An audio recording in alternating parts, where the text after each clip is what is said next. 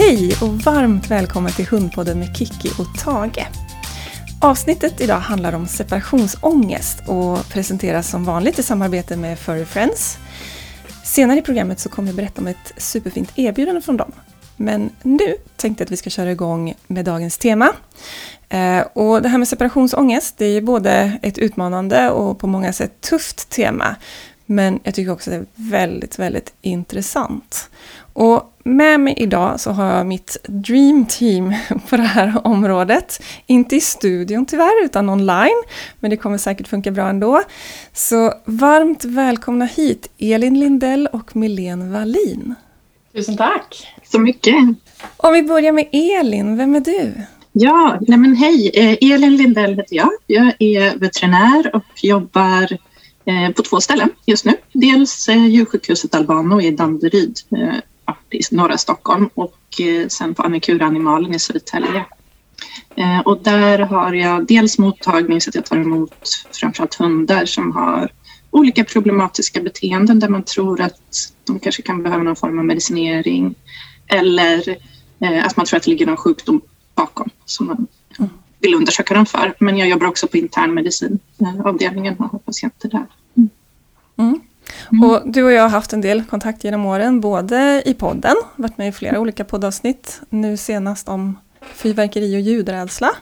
Jajamän. Eh, mm. ja, och sen samarbetar vi kring en hel del kunder också, hundar som har utmaningar i vardagen.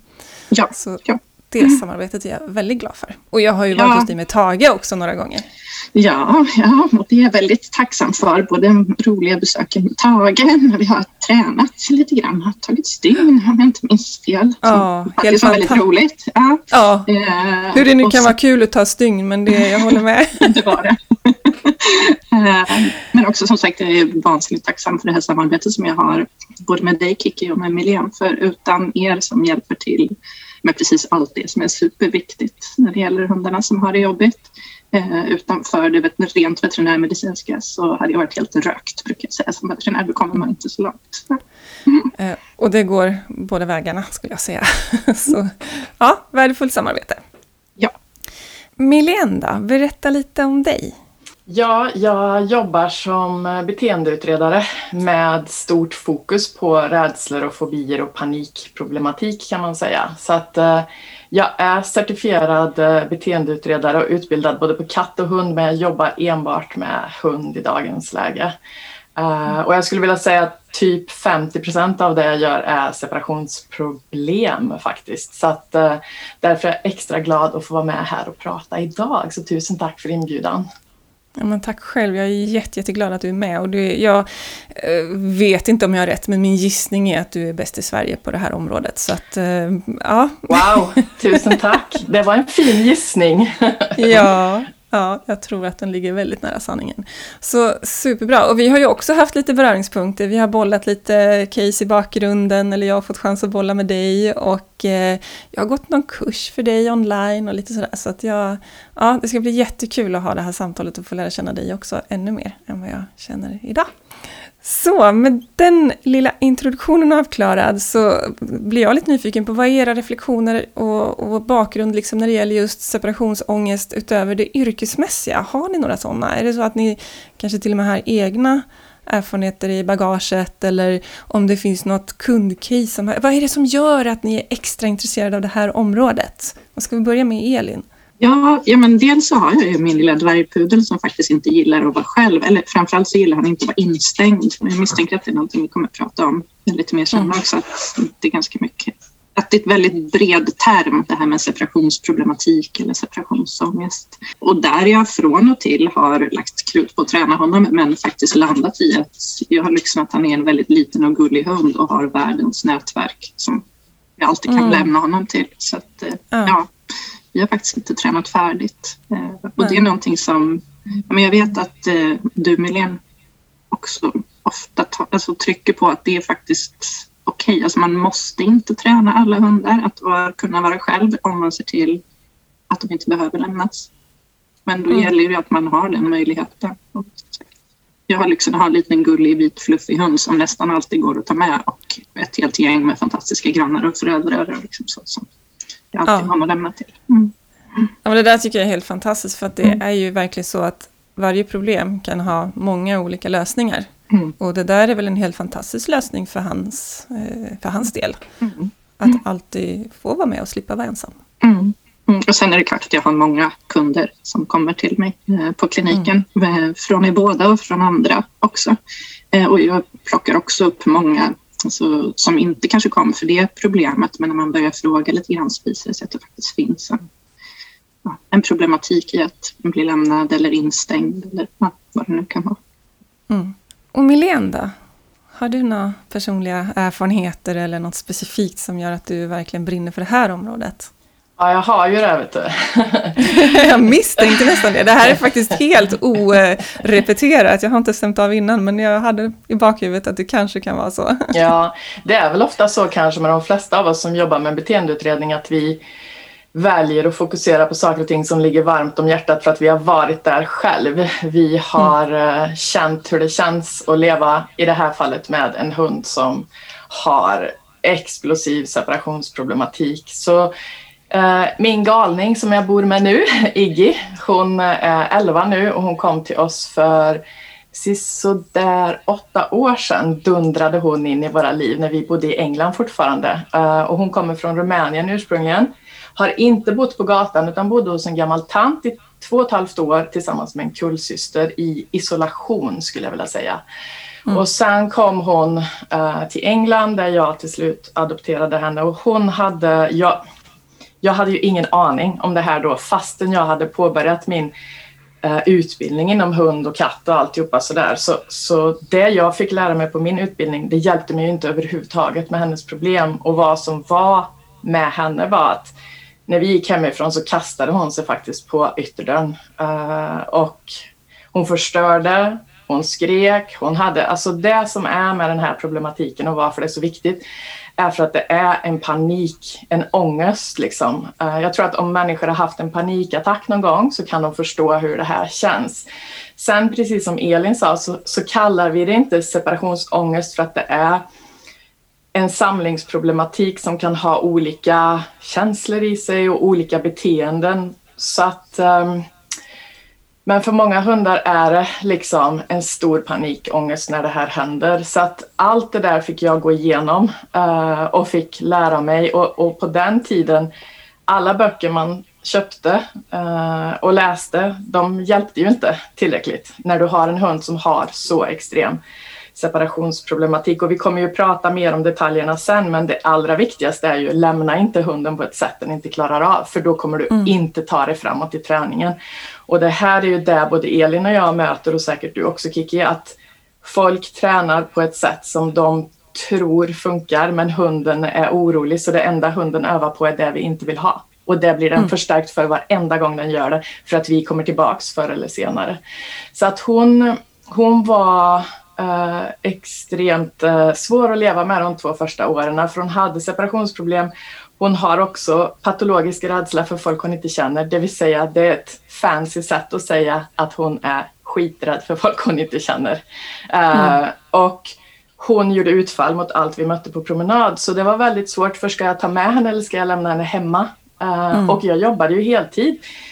Jag hade ett jobb på tv med en stor avdelning och allting sånt där. Jag, jag visste inte ett tag hur jag skulle göra för att lösa det här. Och, och, jag kunde liksom inte ha henne på dagis för att det funkade ju inte med hennes rädslor.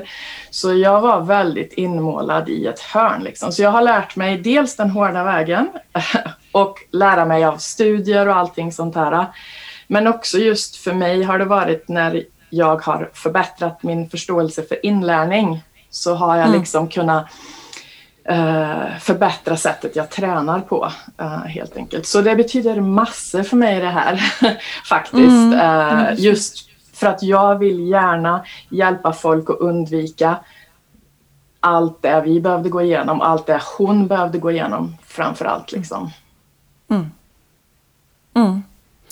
Ja, och mina egna erfarenheter, jag har inga så allvarliga eh, Eh, erfarenheter med egna hundar. Jag har lite eh, lite historik med en briad jag hade som, där det visade sig, jag märkte inte ens av det själv, hunden var inte märkbart stressad när jag kom hem, men jag fick lite klagomål på, från grannarna, att hunden skällde på dagarna.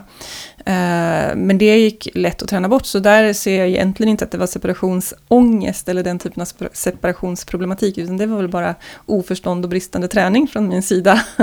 och det gick att lösa. Men det som gör att jag ändå tycker att det här är ett så otroligt viktigt tema, det är för att jag ser ju precis det som, som du beskriver Milena, att det påverkar ju folk så otroligt mycket. Både hundägarna och hundarna.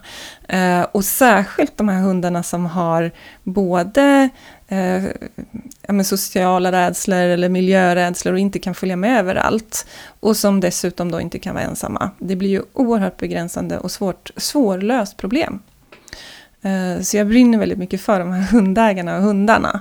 Och känner mig lite frustrerad över att inte hinna hjälpa alla. Så det här är en del i att försöka nå ut till fler med liksom vad, vad man kan göra själv och var man kan få hjälp, som hos dig Milen till exempel och med stöd av Elin och så. Så att, ja, spännande, spännande att höra era historier. Om man då backar bandet lite, vad, vad menar vi med separationsångest? Eller separationsproblem? Eller, och hur vet man liksom vad som är separationsångest och vad som bara är att hunden, som då min Briard, kanske var lite dåligt ensamhetstränad? Mm.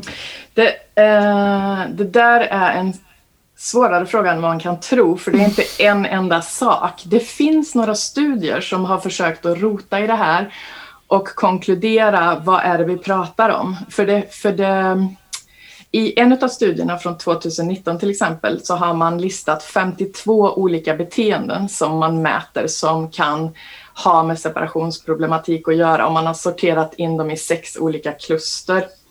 Så det är komplicerat men om vi ska förenkla så handlar det mycket om att hunden uppvisar stress i någon form när vi gör oss redo att gå hemifrån eller när vi går hemifrån eller kort efter att vi har gått hemifrån. Och det handlar ofta om, men inte alltid, att hunden förstör, gärna runt eh, dörrkarmar och eh, liksom fönster eller så där de kan eventuellt ta sig ut eller där de är vana att gå ut som min hund hemma i England då liksom förstörde golvet, dörrkarmar, förstörde fåtöljer som stod i vägen för dörren för att jag trodde att jag behövde, ja, du vet. Hon till och med kastade sig ut genom fönster för att ta sig ut, så det är viktigt att man förstår mm. vilken panikproblematik det här är. Uh, de kan kissa och bajsa inne.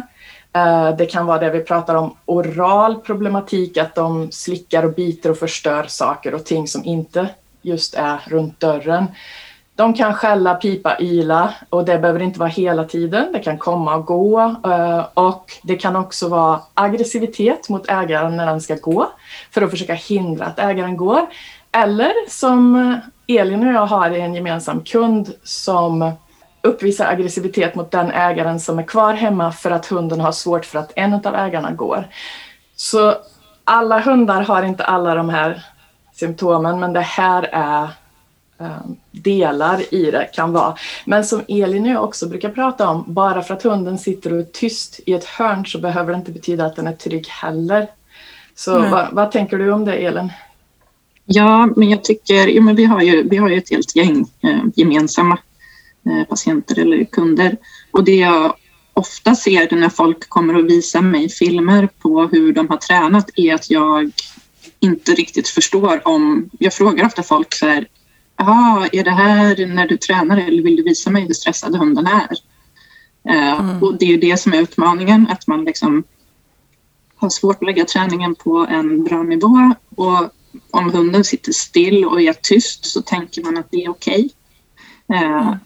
Men det är det som är det svåra, just att ja, de kan ju vara stilla och tysta och ändå inte vara okej. Okay. Många tänker att om hunden äter så är den okej. Okay. Ja, eh, det är väl så om den är ett matfack annars absolut inte äter när ägaren är borta. Då är det en tydlig signal att det absolut inte är okej. Men det finns de som liksom hugger i sig maten och sen så går och sätter sig vid dörren igen. Eller som mm. klarar av att vara distraherade under tiden som, eh, som de äter. Men när maten är slut så är det lika jobbigt eh, igen. Så att, ja. Eh, och ja, absolut. Eh, svårigheten är ju att vi inte har en helt, ska man säga, en helt fastställd terminologi eller sätt att diagnostisera det här utan det som Milén säger, det är ett kluster av beteenden, det är massa olika beteenden.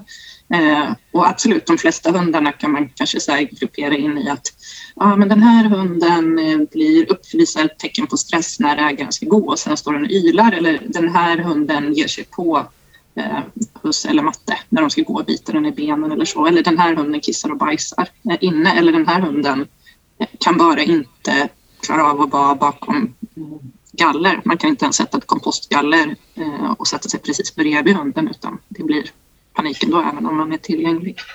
Eh, så absolut, men, men ja, det är så himla individuellt och utmanande att träna eftersom man får bakslag om man går över vad hunden tycker är bekvämt.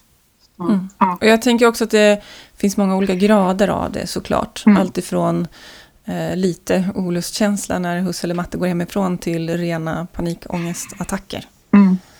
Jag tänker också att det är väl är väldigt stor risk att det utvecklas och blir värre och värre över mm. tid.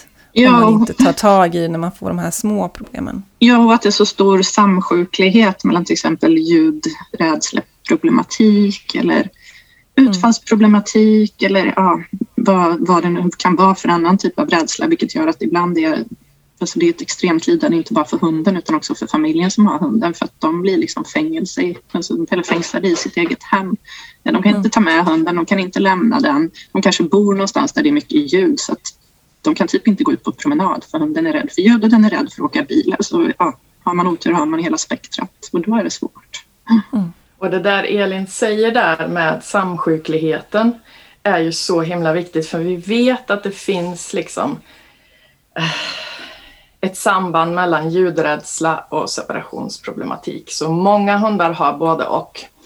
Och en del hundar som kommer till mig och som jag tränar med kanske inte är ljudrädda. Om jag kan ge ett exempel från en av hundarna som var med på mitt Trygg ensam-program i höstas och vid nyår då så kunde de lämna den hunden ungefär 25 minuter. Um, och så smäller det till på nyår och den här hunden blir extremt rädd för fyrverkerier. Och den har aldrig uppvisat ljudrädsla förut, men här blir den panikrädd. Vad tror vi händer med deras... Det är allt det de har tränat fram i ensamhetsträningen, det faller som ett korthus Mm. när hunden upplever den här starka panikrädslan på en annan plats i livet.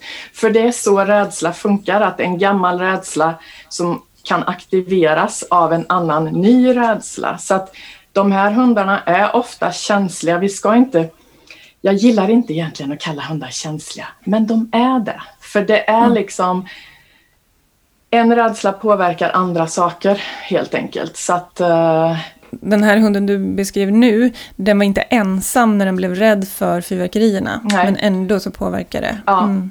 Och han, han, blev så pass rädd att liksom han vill inte ens gå ut och pinka och de fick bära ut honom och sådär. Och sen släppte ju naturligtvis det. Va? Mm. Uh, och så kontaktade de mig uh, lite senare för det som hände var ju att uh, ensamhetskunskapen, då, om vi ska säga så, kunna vara trygg ensam, den fallerade ju bit för bit. Va? Mm. Och då inser jag att det vi måste göra nu det är ju att jobba på ljudrädslan först. För att om vi har en hund som är ljudrädd och den är ensam hemma och blir rädd för ett ljud Mm. Alltså då kan ju vem som helst räkna ut att det är en väldigt hög sannolikhet att den kommer bli rädd för att vara ensam hemma om den blir rädd när den är ensam hemma. Så ja. det blir liksom, det är det här som är det riktigt kruxiga med, som Elin säger, de här samsjukligheterna. Att har vi två rädsleproblematiker så kommer de påverka varandra och vi måste träna båda samtidigt parallellt eh, just därför. Är det någon av er som har koll på hur vanligt det är med separationsrelaterade problem? Ja, ja precis säger du Emilia. Det finns ju lite studier som har kommit på sistone som... Eh, ja. Mm, och det beror på vilken man tittar på, men mellan 20 och 50 procent.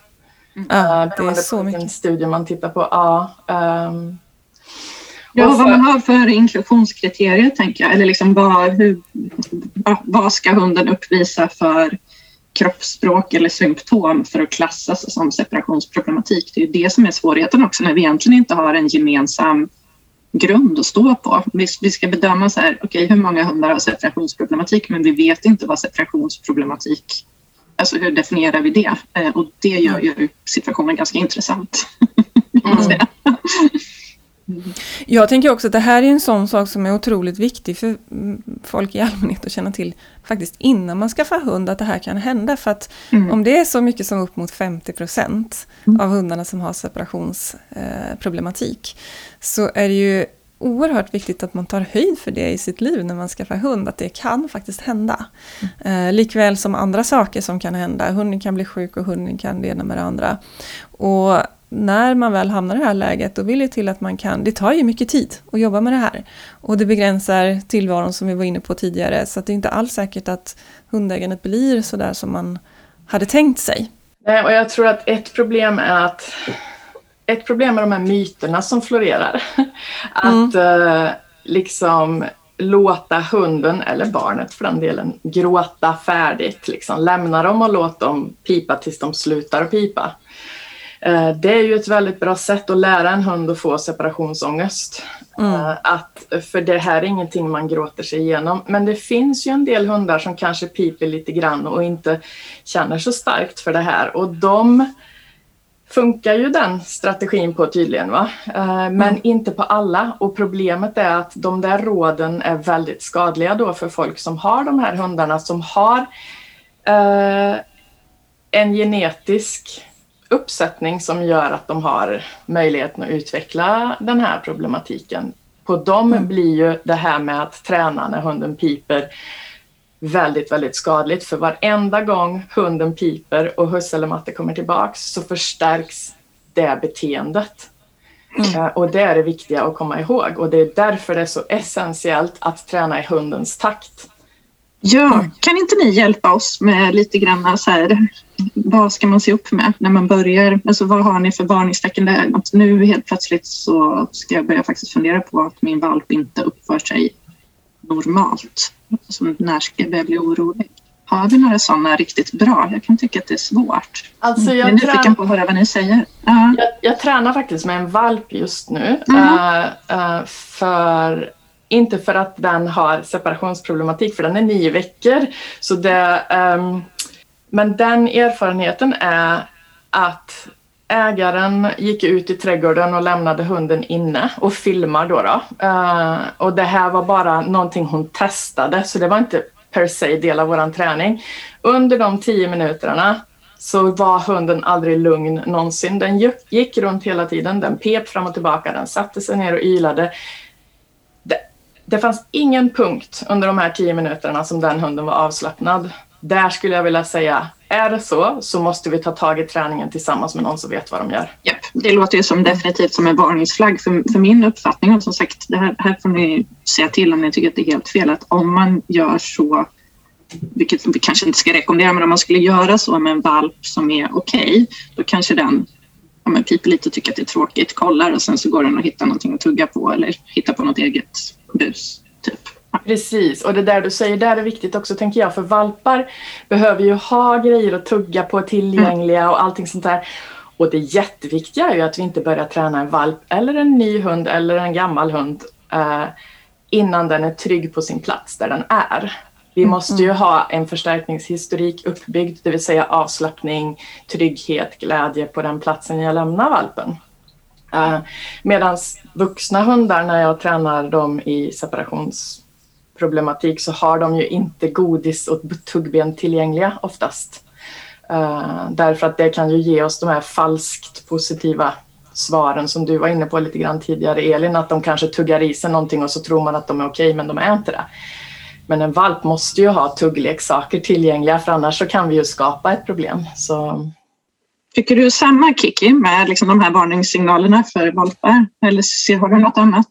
Ja. Nej, absolut. Och jag tänker om man börjar till och med ännu innan det så, så är jag nyfiken på era reflektioner kring när ska man börja ensamhetsträna? Och min erfarenhet av svaret på den frågan är att det beror lite på vad man menar med ensamhetsträning. Ja. Mm. Uh, för att jag, ibland så ser man i sociala, sociala medier och sådär och blogginlägg att uh, duktiga hundtränare säger att ah, men man måste lämna ganska länge redan från början för annars hinner hunden inte koppla av.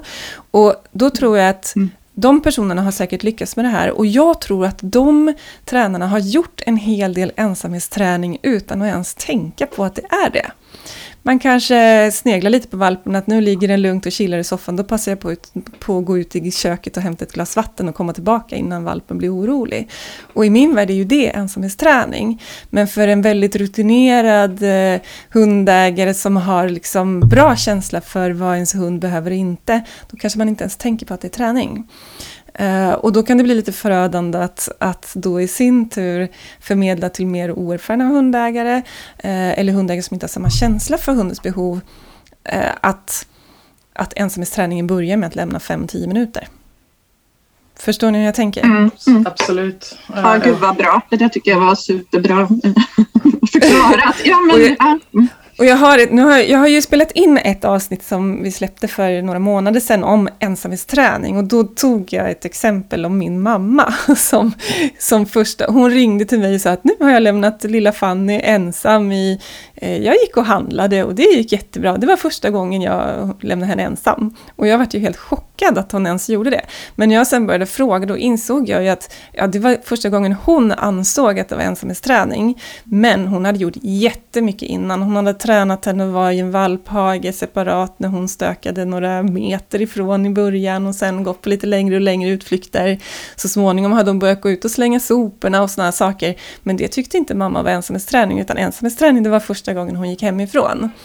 Och Ja, så återigen, liksom, jag tycker ensamhetsträning det börjar ju i, i det lilla, i vardagen. Och, eh, du sa där Milena att först måste hunden vara trygg i sin miljö innan vi ens kommer igång med någonting. Och det tänker jag också, och jag gissar att det finns studier som visar det, jag hoppas att det finns studier som visar det, att eh, först ska hunden ha trygghet och närhet. Och landa i, i sin nya situation. Den har varit med om en jättestor omställning. Flytta från mamma och kullsyskon och uppfödare till en helt ny värld. Och då är det inte läge att börja ensamhetsträna. Men när, när är bäst tid att komma igång med ensamhetsträningen i det lilla? Tänker ni? Tänker du med valp eller med vuxen hund? Ja, valp tänker jag egentligen. Ja. Men egentligen är det lite samma sak med en, en vuxen hund som man tar till sig som omplacering. Mm.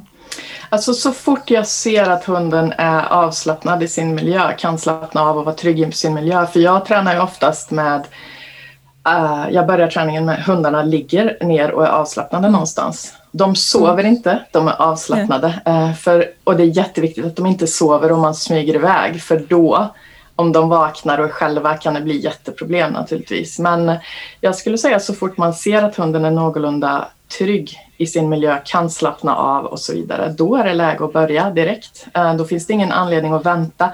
För det där är ju också ett jag vet inte om du möter det Kiki, men jag möter en hel del folk som får rekommendationen att inte träna sina rescue dogs eh, på mm. länge. Och jag förstår inte det rådet eh, därför att träning är ju inte bara de här 20 minuterna vi gör organiserad träning. Hunden lär sig ju varenda mm. minut den är vaken om jag då inte gör strukturerad träning, vare sig det är ensamhetsträning eller någon annan träning, så kommer hunden lära sig något annat. Mm. Oftast någonting jag inte vill ha. Uh, så mm. att ju förr jag kan börja, desto bättre. Uh, men jag vill ju ha en hund som är avslappnad och lugn och det kan, vara, det kan ju vara svårare än man tror också. Men, uh, och det kan ju vara någonting man behöver börja på. Det är det jag menar med att man kan börja med avslappningsövningar eller matträning mm. eller vad det nu är beroende på ålder på hunden. Men den här valpen som jag tränar med den, är, den var nio veckor när vi började. Mm. Um. Och vad brukar du rekommendera för första övningar då? Om man säger nu ska vi ta tag i ensamhetsträningen här med en valp eller en omplacering. Vad, vad gör vi då konkret? Alltså jag är ju väldigt, för mig är det väldigt viktigt att vi, att vi ger 100% kontroll och informa, information till hunden oavsett ålder. Så att jag använder mig av en lämna-signal som jag kallar det och en följa med-signal. Så att hunden, när vi jobbar med hundar med separationsproblematik, ett av de största problemen och som orsakar mest stress, det är att hunden hela tiden undrar vad ska hända nu, vad ska hända nu, ska jag bli lämnad, ska jag få följa med, ska jag få... App, app, app, app. Den stressen vill vi ta bort från hunden. Så att jag använder tydliga eh, lämna och följa med signaler, så det är de jag introducerar om inte hunden redan har det. Mm. Så att det oftast har folk en fras de säger till hunden när de ska gå på promenad men de kanske inte har någon fras de använder när de ska gå. Mm. Eh, så att introducera de fraserna och sen använda dem konsekvent och att alla använder dem konsekvent. Och man börjar oftast med alltså, att vara uppe vid hunden och gå ett steg bort från hunden. Och om jag, om jag tar min egen hund som exempel, när hon kom till oss, hon kunde inte vara på andra sidan en gallergrind, även om jag stod precis på andra sidan gallergrinden och hon var. Så att jag måste börja där hunden är trygg. Uh, mm. Så vad tänker du, Elin? Men det här är ju lite grann utöver egentligen vad jag kan och gör. Men, ja, så jag gör inte de här grejerna praktiskt, men det jag tänker är som sagt att börja på hundens nivå där den är. Titta liksom, var har vi att hunden är bekväm och att man verkligen vet att den är bekväm då. Alltså hur, hur definierar vi bekväm eller trygg? Eh, så ofta blir det ju mycket prat om kroppsspråk så att man kan lära sig att mm. läsa sin hund. Det brukar ju vara första steget, tänker jag, oavsett ålder på, eh, på hunden. Eh, och sen någonting som jag funderar på mer och mer om jag ska skaffa en hund till så småningom, kanske från valp, är hur man fasar in de här små grejerna i vardagen så att det inte känns som träning. Alltså typ när jag sitter och äter vid matbordet kan jag ha eh, en pytteliten hage precis bredvid mig eh, i början där valpen är mm. och kanske få någonting att tugga på eh, då och sen så småningom flytta den och sen använda den när man städar. Liksom. Alltså sådana saker som blir en hjälp i vardagen och också förbereder valpen för Mm. Alltså småningom kunna bli lämnad. Men som sagt, det där, det där är mer mina tankar och det är inte jag som gör den här träningen med den här, eller ger de här konkreta råden. Men, ja. Mm. Men det tycker jag låter jätteklokt. Mm. Ja, och jag tänker det svåra här är ju mm. till exempel den här valpen som jag tränar med nu. Mm. Alltså vi har ett liv vi måste leva. Eh, de har en, ett hus med eh, en våning upp Mm. Och, och, vissa, badrummet är på övervåningen till exempel så, och valpen är på nedervåningen och klarar inte av att hon går upp själv. Och valpen kan inte gå i trappen än så länge. Så det finns massor av de här vardagsutmaningarna mm. där vi kan behöva ta med valpen upp på toaletten för att undvika att valpen ska stå där nere på, nedanför trappen och få panik och lära sig att det är jobbigt att mamma eller pappa går. Mm. Um, mm. Så att jag tror att vi behöver hjälpa Men då, folk. Om, om, jag, ja. om jag nu tar på mig lite djävulens advokat, mm. här, ja, ja. Eh, skämmer vi inte bort hundarna då, då med att de alltid får vara med? Nej, är det korta och enkla svaret på det. ja, jag vet, men jag vill ändå ställa frågan. Ja, men det är så jättebra jag, jag möts att du ställer ofta av frågan. Det. Förlåt, mm. nu avbröt jag dig. Det är toppenbra, för det där hör vi ju, det där möter vi ju. Du har så, uh, det är så viktigt det du säger, men nej, vi skämmer inte bort våra hundar genom att ha dem med. Vårt fokus ska ligga på att lära våra hundar det de behöver kunna. Uh, mm. En hund utvecklar inte separationsproblematik för att den sover i din säng. Den utvecklar inte separationsproblematik för att den får följa med dig och göra ärenden. Det vet vi från studier i dagens läge. Ändå är det folk som får de råden idag. Låt inte mm. valpen sova i din säng. Låt inte hunden ja. sova i din mm. säng. Eh, ät före hunden. Alltså ja. alla de där grejerna. Mm. Det stämmer inte. Så det, vårt fokus ska inte ligga där. Vårt fokus ska ligga på vad vill jag att min hund ska behöva kunna göra för att leva tryggt i min vardag. Mm. Ja, alltså, jag kan ju bara gå tillbaka till mig själv när jag skaffade min, min lilla whisky. Han är snart 11 eh, nu och han är min första hund. Eh, jag, jag är veterinär men jag kunde inte jättemycket om hundbeteende när jag skaffade honom kan jag säga. Eh, och de, när jag insåg att han hade jobbigt med vissa saker, ja, men typ att bli lämnad, vara instängd, han hade jobbigt med andra hundar, han var rädd för folk eh, i början. Eh, de, jag läste ju massor och liksom försökte få all den kunskap jag kunde, vilket har lett till att vi under flera år, jag och min sambo till exempel, ignorerade hans försök till att ta kontakt när vi var hemma. Undvek mm. att gossa med honom för att någonstans så läste jag att eh, eh man ska inte hålla på och gossa med huvud, med huvud, mot huvud med huvud med hunden för det kan göra dem mer osäkra. Och det här fattar jag bara, men alltså nu fattar jag det. Var kommer det här ifrån? Det är ju helt mm. koko, rent ut sagt. Mm. Men det har ju gjort vi faktiskt inte haft ett så bra liv tillsammans med hunden som man hade kunnat ha. Om man visste, alltså, ja, för jag ville ju mm. klappa och gossa med honom men utav liksom välvilja för att han skulle må bra och jag vill inte förstöra honom inom citationstecken. man säger mm. förstöra honom så gjorde vi inte det. Och det, ja. och det där är så sorgligt för det där är, det är så vanligt förekommande att det florerar så många råd som skälper så mycket mer än vad det hjälper, eller som inte hjälper alls. Och där man som nybliven hundägare vill göra rätt, man vill sin hund det bästa. Men, eh, och jag brukar tjata om min paroll att man ska göra det som känns bra i hjärna, hjärta och mage. För att känns det inte bra på alla de tre områdena, men då hitta en annan metod då, för att det finns sätt och tillvägagångssätt som, som känns bra på alla de tre punkterna och då väljer vi dem.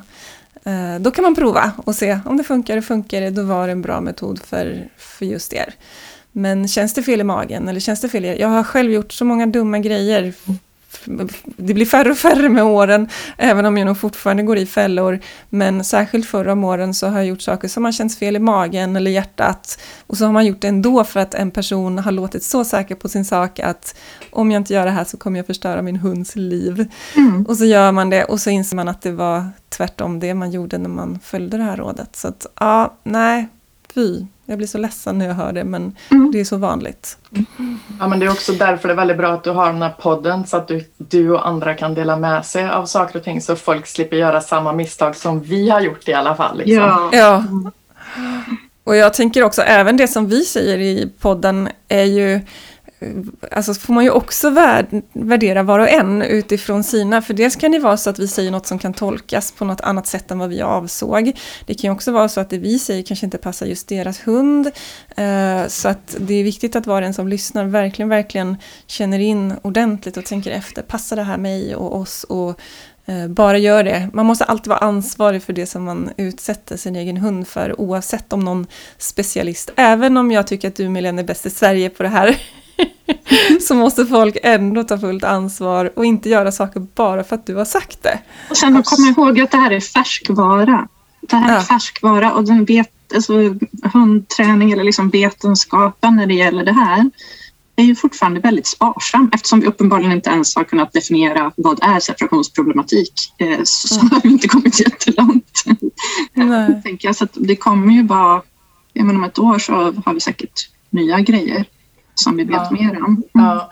Jag tänker, jag brukar alltid försöka råda ägare att lära sig så mycket de kan om hur inlärning fungerar. Mm.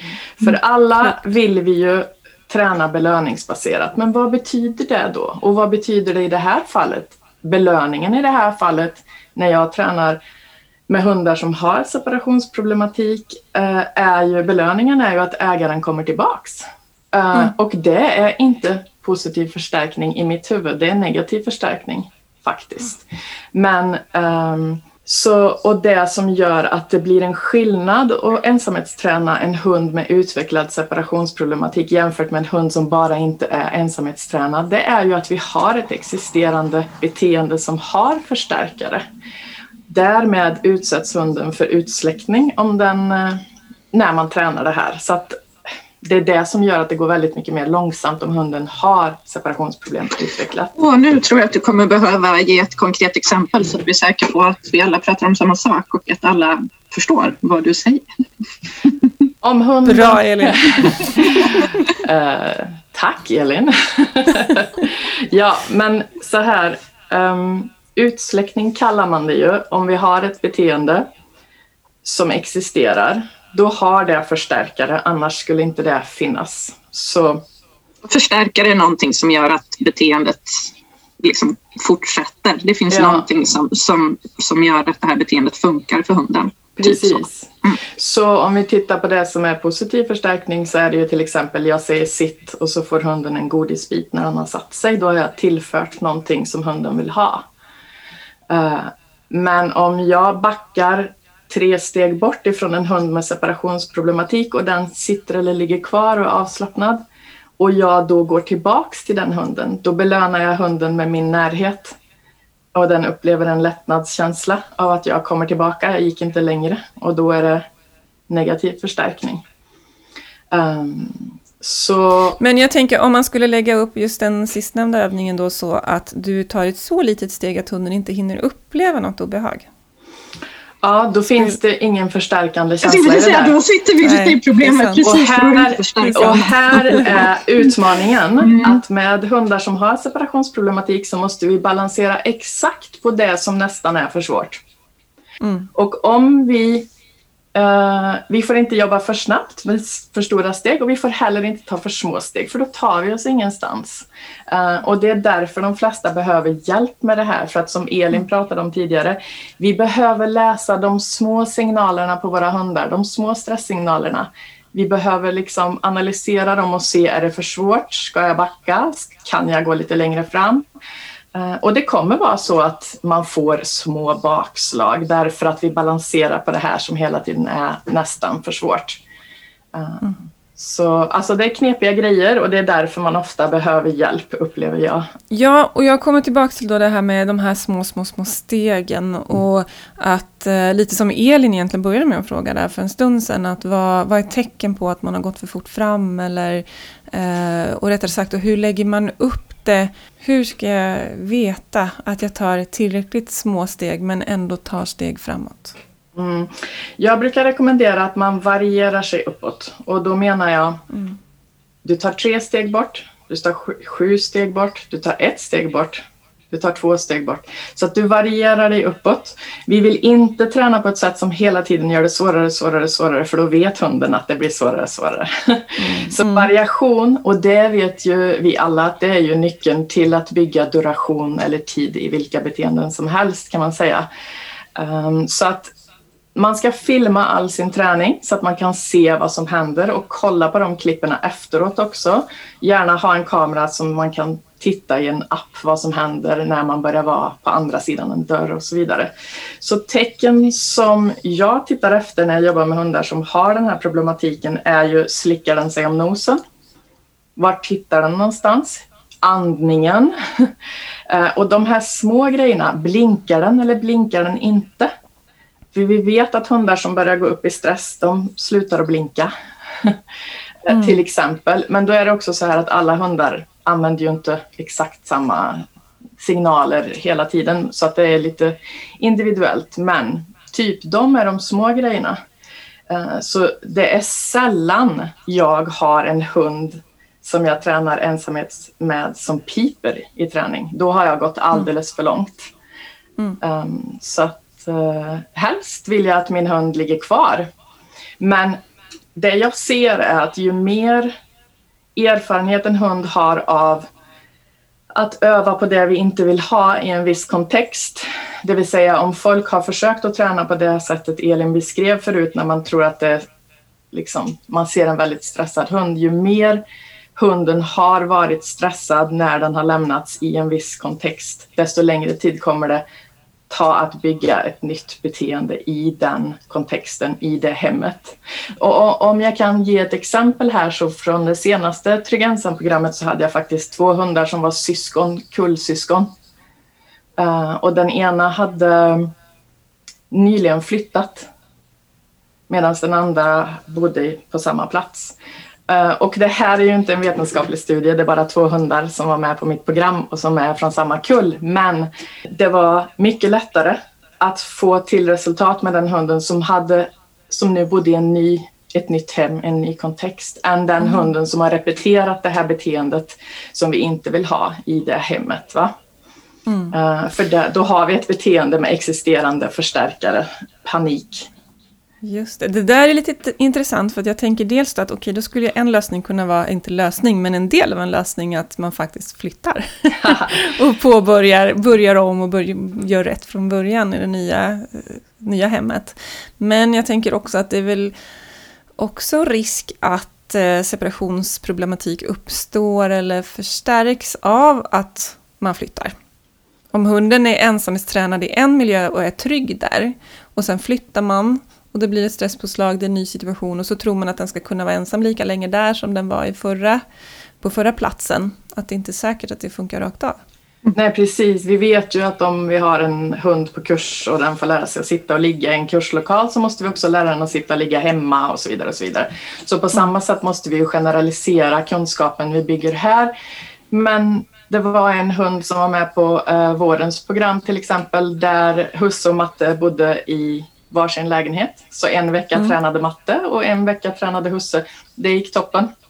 Mm. Så det enda är som det är bra att du säger det Kiki, att vi kan inte ta för givet att det funkar i en annan kontext, utan det måste mm. vi liksom bara backa bandet, först etablera att hunden är trygg och sådär. Och det är därför till exempel jag Alltså mitt program för hundar med separationsproblem är ju två månader. Jag vill inte att hunden utsätts för en stor förändring under de två månaderna för då vet vi att det finns risk för att det påverkar träningen. Mm. Uh, så att flytta mitt i träningen är inte så smart. Men däremot så vet jag att det har gått mycket bättre eller snabbare med hundar som precis har flyttat för de har inte fått bygga mm. upp den där erfarenheten i det nya, nya hemmet. Mm. Ja, eh, jag misstänker apropå liksom sammanhanget eller i vilken situation det är. Jag misstänker att ni också har träffat på hundar där eh, ägarna kan gå ut via altandörren, stänga och lämna hunden eh, och vara ute i trädgården i två timmar utan problem. Men när de börjar ta på sig liksom ytterkläderna och gå genom vanliga ytterdörren, då är det liksom stor explosion och ångest. Och jag tycker det är ganska häftigt att det är så det är så lätt för hundarna att plocka upp olika signaler eller ledtrådar och att det sen ja, den, kan man, den kan man själv lika länge om du går ut Alltså som om man skulle ha varit på jobbet. Om du går ut genom rätt, inom citationstecken, dörr och har rätt kläder mm. på dig. Typ om du tar med din grävspade och går ut. Men du tar handväskan. Mm. Och det där är någonting som jag tänker som vi säkert skulle kunna använda oss mer av i träningen också för att komma snabbare framåt. Eh, du kanske redan gör det Milen, jag har ju inte gått ditt Trygg ensam-program men jag tänker att det där är någonting om man, om man kan ändra liksom fundamentalt förutsättningarna eh, så slipper man en hel del gammalt bagage också. Mm. Man, man natur. Ja. Jag, jag tror att det är väldigt mycket man kan experimentera med där. Det jag använder är ju mina verbala signaler och mm. att de ska bli liksom någonting som, som har kontroll över beteendet. Mm. Uh, men eh, det finns ju också arbete och studier som pågår där man tittar på kan vi förändra miljön på ett sätt att den blir tillräckligt förändrad för att det ska vara snabbare att träna det. Och det är någonting jag gärna skulle vilja experimentera mer med i framtiden. Men um, Absolut, jag har ju många ägare som kan gå ner och tvätta i tvättstugan därför att då bär de en tvättpåse eh, eh eller vad det handlar om. Eh, och det har blivit en säkerhetssignal för hunden. Eh, så precis som den tvättpåsen är en säkerhetssignal vill jag ju att min verbala signal ska bli en säkerhetssignal. Liksom. Inledningsvis så berättade jag att jag skulle ge er ett superbra erbjudande från vår samarbetspartner Furry Friends. Och eh, jag tänkte börja med att berätta lite grann om deras fantastiska godis som Tage ju älskar. Eh, och några av fördelarna med det här är att det bara består av svenska ingredienser. Det innehåller blåbär med viktiga antioxidanter för immunförsvaret äppelfiber för probiotika som är jättebra för en frisk mage, hög proteinhalt som stimulerar muskulaturen Eh, och så är det frystorkat, vilket är en skonsam process där näringsvärdena i maten bibehålls. Och allt det här sammantaget gör att det är ett eh, hundgodis av toppenkvalitet. Och Tage älskar det för att det är supergott och jag gillar det för att det går också bra att bryta i små bitar så att man kan belöna många gånger när man tränar. Och nu får du som lyssnare 25% rabatt på Furry Friends godis om du använder min kod HUNDPODDENGODIS. Koden är giltig hela månaden ut, så passa på och ge en liten härlig sommarpresent till din bove. Vi har varit inne en hel del på det här kring hur man kan förebygga och även träna bort eller behandla eh, separationsångest. Men finns det fler saker man kan göra? Vi har mest pratat om träning i situationen plus att jobba med eventuella samsjukligheter som jag tänker ljudrädsla och sådär. Men jag gissar att du Milen också jobbar med liksom den generella, alltså hela situationen kring hunden. Se till att den är i så bra balans som det bara går i övrigt i, i livet. Ja, det är ju liksom naturligtvis jätteviktigt att hundens grundbehov, hundens etologiska behov är tillfredsställda. Men det är liksom grundplattan vi måste ha. Det, mm. Det kan vara farligt att tänka så här, okej okay, jag ska gå ut med hunden två timmar och sen ska jag ensamhetsträna och så gör jag det varje gång. För då bygger vi ett mönster mm. som är förutsägbart för hunden. Och om jag ger ett exempel från min egen värld. När vi flyttade hem till Sverige till Värmland där, där vi bor nu så följa in i ett mönster att gå promenad med Iggy uh, och sen åka iväg och göra ärenden. Och hon kan lämnas i dagens läge. Uh, men det som hände var att, alltså även att även att en hund lär sig att lämnas och blir trygg, trygg med det så behöver det inte betyda att den älskar att man lämnar den.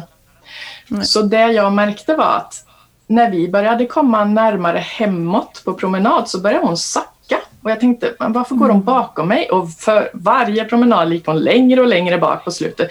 Så inser jag, okej, okay, jag har byggt ett mönster här. Varenda gång vi kommer hem så åker jag ifrån henne. Mm. Och det har hon egentligen ingen lust med.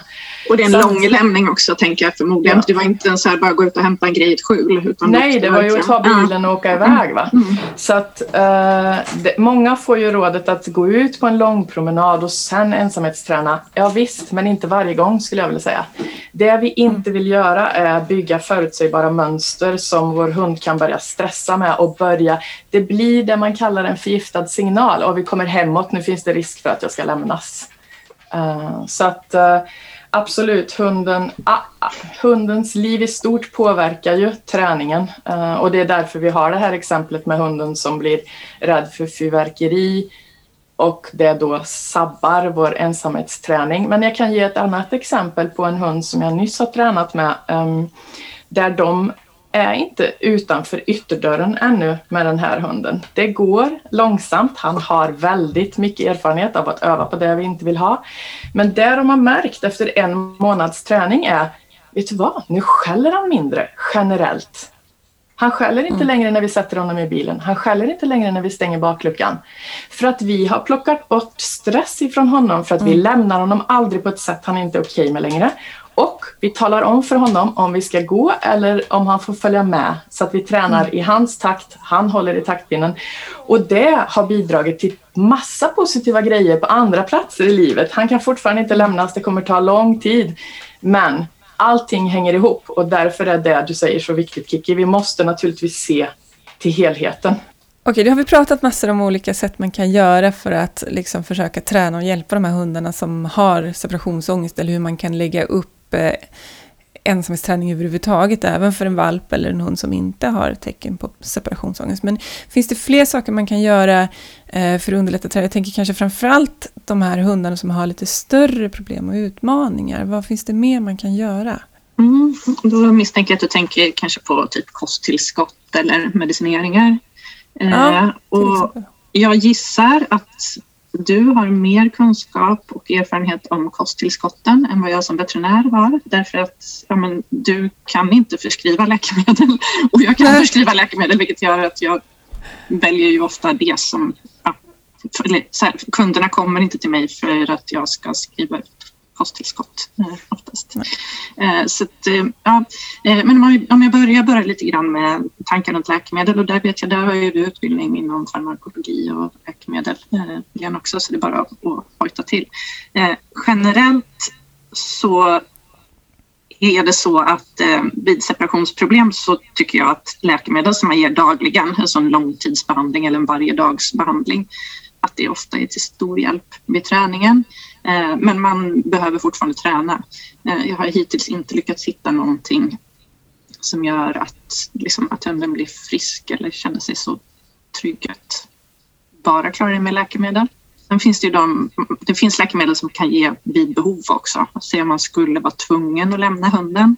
Eh, och igen, det är utmanande med dem för att jag har hittills inte hittat någonting som hjälper tillräckligt om hunden har en liksom fullständig panikattack om man ska lämna den.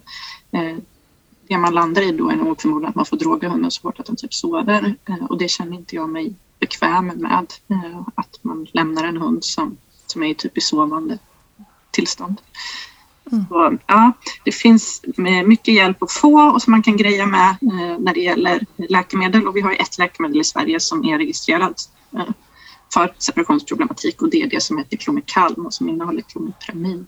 Så det är ju ett av dem som jag använder men det finns även läkemedel som är registrerade utomlands för olika typer av beteendeproblem som vi har tillgång till i Sverige eh, som är för människa men som, som vi då kan skriva ut till hund och ett av de vanligaste läkemedlen är läkemedel som innehåller fluoxetin. Är registrerat mm. i USA bland annat. Sen tänker jag också, finns det, apropå att du är veterinär då, eh, jag tänker att det finns anledning också kanske att eh, gå till en veterinär för en ren allmän hälsoundersökning om man har en hund med separationsproblematik. Ja, eh, absolut. För ibland är det ju faktiskt så att de tecknen som man tolkar som att det skulle kunna vara en separationsproblematik kanske egentligen är, jag säger att hunden börjar kissa inne. Den kanske har fått problem med njurarna eller diabetes eller någon hormonell sjukdom. Eh, och för de äldre hundarna, om det är en äldre hund som börjar helt plötsligt visa tecken på att den inte är bekväm hemma så kan det ibland vara en del av en, eh, vad vi slarvigt, slarvigt kallar för demensproblematik till exempel.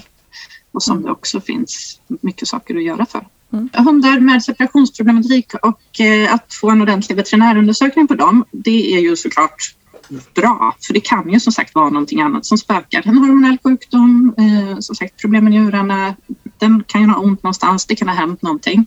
Eh, däremot så vet jag inte om det finns, och här får ni fylla i om ni vet, om det finns några studier just med separationsproblematik kopplade till till exempel smärta så som vi har väldigt mycket studier på när det gäller ljudrädsla eh, och smärta. Eh, jag har inte, i alla fall inte vad jag har snubblat över, så jag har inte hittat någonting där. Är det någonting ni har sett att det skulle vara liksom, utforskat någonting? Inte Nej. forskat, men eh, Daniel Mills från Lincoln University har ett exempel som han pratar om där det är en hund som har separationsproblematik, vilket inte går att lösa förrän de inser att hunden har eh, smärta i tassarna på grund av någonting. Um, mm. Så det kan väl vi ska nog vara mer öppna för det. Alltså, tänk att alla de här mm. sakerna ja. som ploppar upp när helt plötsligt beteenden förändras generellt så ska vi leta efter grejer ordentligt. Mm. Plus att min erfarenhet är att till exempel om hunden har allergi mm. så kan det bli extremt mycket svårare att träna mm. för att om allergin blossar upp, vi vet ju alla hur kul det är att klia sig, alltså det är ju mm. inte roligt och man är ju inte avslappnad när man har den problematiken så att det är ju ganska logiskt att man måste adressera det så att, att ta hunden till en veterinär om man har den här problematiken, det tycker jag är gjutet. ja, och därför är det något jättebra, för det träffar jag på ibland att, att man utgår från att slickande eller kliande, alltså när hunden slickar sig på benen eller liksom gnager sig på tassarna, att det är det är ett symptom på att den är stressad. Eh, men det kanske visar sig att den faktiskt har eh, en klåda eh, av något slag eller att den har en mag-tarmproblematik, en del av de hundarna slickar också. Eller kanske både och.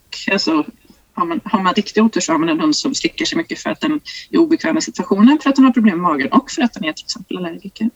Mm. Så att man inte bara tar för givet att man har en sak och att det ska förklara allt. Likväl som att mina, om, om jag till exempel har en mag-tarmpatient som eh, att, inte, ja, men att jag inte får riktigt bukt med mag-tarmproblemen och så kanske det visar sig att jaha, men den får problem med magen varje gång som, eh, som den varit lämnad länge.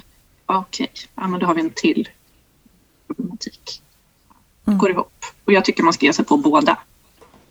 Och det där tycker jag är så viktigt att, att också ha i bakhuvudet att vi kan egentligen aldrig veta att en hund är 100% frisk. Nej, bra. Så mm. till och med om vi går till veterinärer med vår hund. Dels är min erfarenhet att det är väldigt olika på olika veterinärer hur, hur duktiga de är på att hitta lite mer vag problematik. Mm. Sånt som inte syns på en röntgenplåt eller kan mätas med ett blodprov och så.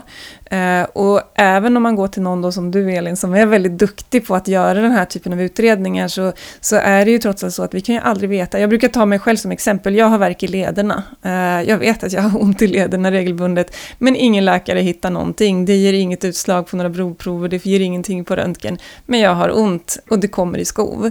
Och då tänker jag att det är inte konstigare än att tro att även våra hundar kan ha liknande problematik. Och de är det ju ännu svårare att upptäcka på för att de kan ju inte prata.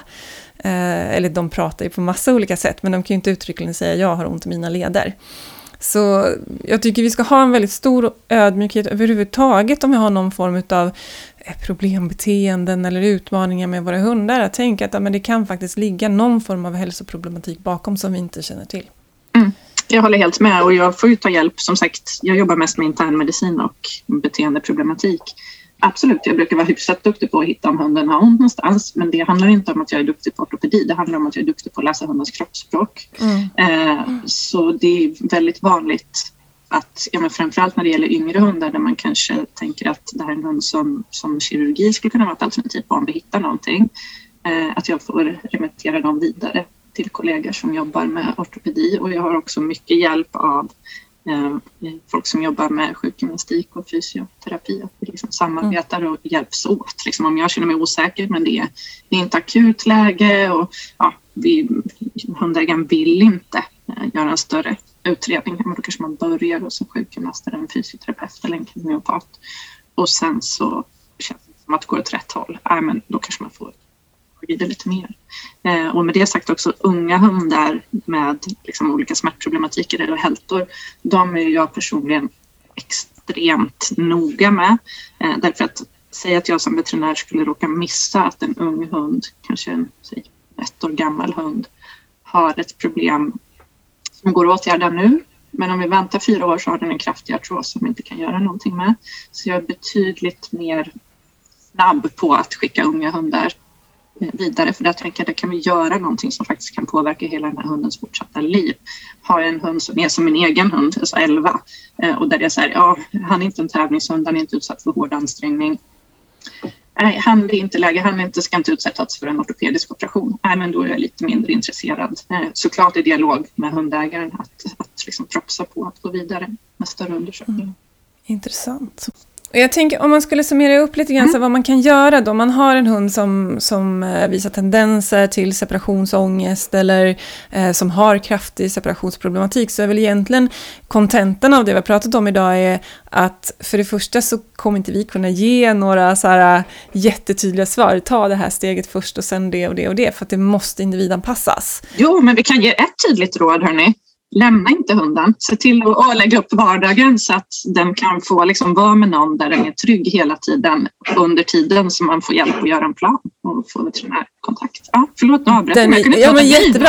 Ja, men jättebra, den är jätteviktig. Och det andra tydliga rådet vi kan ge det är ju att aldrig gå, liksom, när vi lägger upp träningen får vi aldrig gå över liksom, den retningströskeln där hunden börjar visa tydliga tecken på stress. Utan att vi håller oss under den retningströskeln, när man ska säga, och lägger upp träningen så, i så små steg. Men vad det betyder varierar ju från hund till hund. Ja, så har man en misstanke så kan man ju börja med att försöka eller se till att hunden inte blir lämnad och sen lär, lär dig om inlärning och att läsa kroppsspråket i väntan på om ja. du är i kö till någon som kan hjälpa dig mer än så. Ja. Precis, och min varmaste rekommendation är väl också att eh, kontakta Milene Wallin. du kör ju väldigt mycket online. Eller allt online kanske? Allt när det gäller separationsproblematik är online. Ja. Jag har slutat att uh, ta emot folk här hemma uh, som har den problematiken. För de, det går bra här och sen åker man hem och så gör man samma sak som man alltid har gjort. Så att det är ju liksom, om jag vill förändra min hunds beteende så måste jag förändra mitt eget beteende. Och där behöver folk ofta hjälp med att styra upp. Så när man tränar med mig så tränar man fem dagar i veckan i två månader. Mm, så, mm. så man blir väldigt tight eh, tillsammans. Liksom. Så jag, jag mm. har tre saker man ska undvika, tre saker som är viktigt, tre saker som man kan göra. Bra, shoot! så jag tänker undvik att lura hunden, till exempel genom att smyga ut bakvägen eller när den sover. Undvik att stanna borta tills hunden blir tyst om du råkar vara borta längre än hunden är bekväm med. För det rådet får en del att bara stanna borta tills hunden liksom slutar skälla eller slutar springa eller vad det handlar om. Undvik det. Bara gå in direkt om det händer. Undvik att träna för fort och för långsamt. Mm. Tre viktiga saker. Börja träna på den punkten där hunden klarar av att vara avslappnad. Träna systematiskt i hundens takt. Ge hunden kontroll genom att skapa 100% förutsägbarhet för hunden genom att använda en lämna-signal och en följa med-signal. Och slutligen, tre stycken gör detta-grejer. Filma all din träning. Variera dig långsamt uppåt och då menar jag tre steg, sju steg, ett steg, fyra steg typ. Och möt hunden där den är, helt enkelt. Superbra tips! Tack snälla Milén. Mm. Strålande. Och då har jag egentligen bara en sista fråga. Hur lång tid tar det här? Mm. och går det, eller egentligen två frågor då. Hur lång tid tar det och går det hjälpa de här hundarna fullt ut? Alltså, jag brukar kalla det här för hundträningens ultramaraton, för det tar tid. Generellt ofta sex månader att uppnå de mål man har. En del tar det längre tid och vissa går det kortare, men man måste räkna med sex månader. Det fina är att jag skulle vilja säga att 99 procent kan vi hjälpa. Mm. Det är ingenting vi har studier på, men Nej. min erfarenhet är att det går att hjälpa i princip alla, men jag kan ju inte säga alla, så då säger jag 99 procent. mm. Eh, det som är, är att det är väldigt svårt att ge upp på vägen. Alltså när du har tränat en hel månad och du fortfarande inte är utanför ytterdörren. Jag förstår att det är tungt. Mm. Men vi vet ju att om vi tränar snabbare än vad hunden är redo för så hjälper det inte utan det går eh, bakvägen. Så absolut, min erfarenhet är att vi kan hjälpa alla men det tar tid. Så är man redo mm. för att investera den tiden och är man redo för att liksom ta bakslagen som kommer och man vill lära sig och, man, och det här är viktigt uh, så går det. Det är liksom min erfarenhet. Så, och, och, det är ju min egen hund ett väldigt bra liksom, exempel på. Herregud, hon har ju förstört så mycket och mått så dåligt.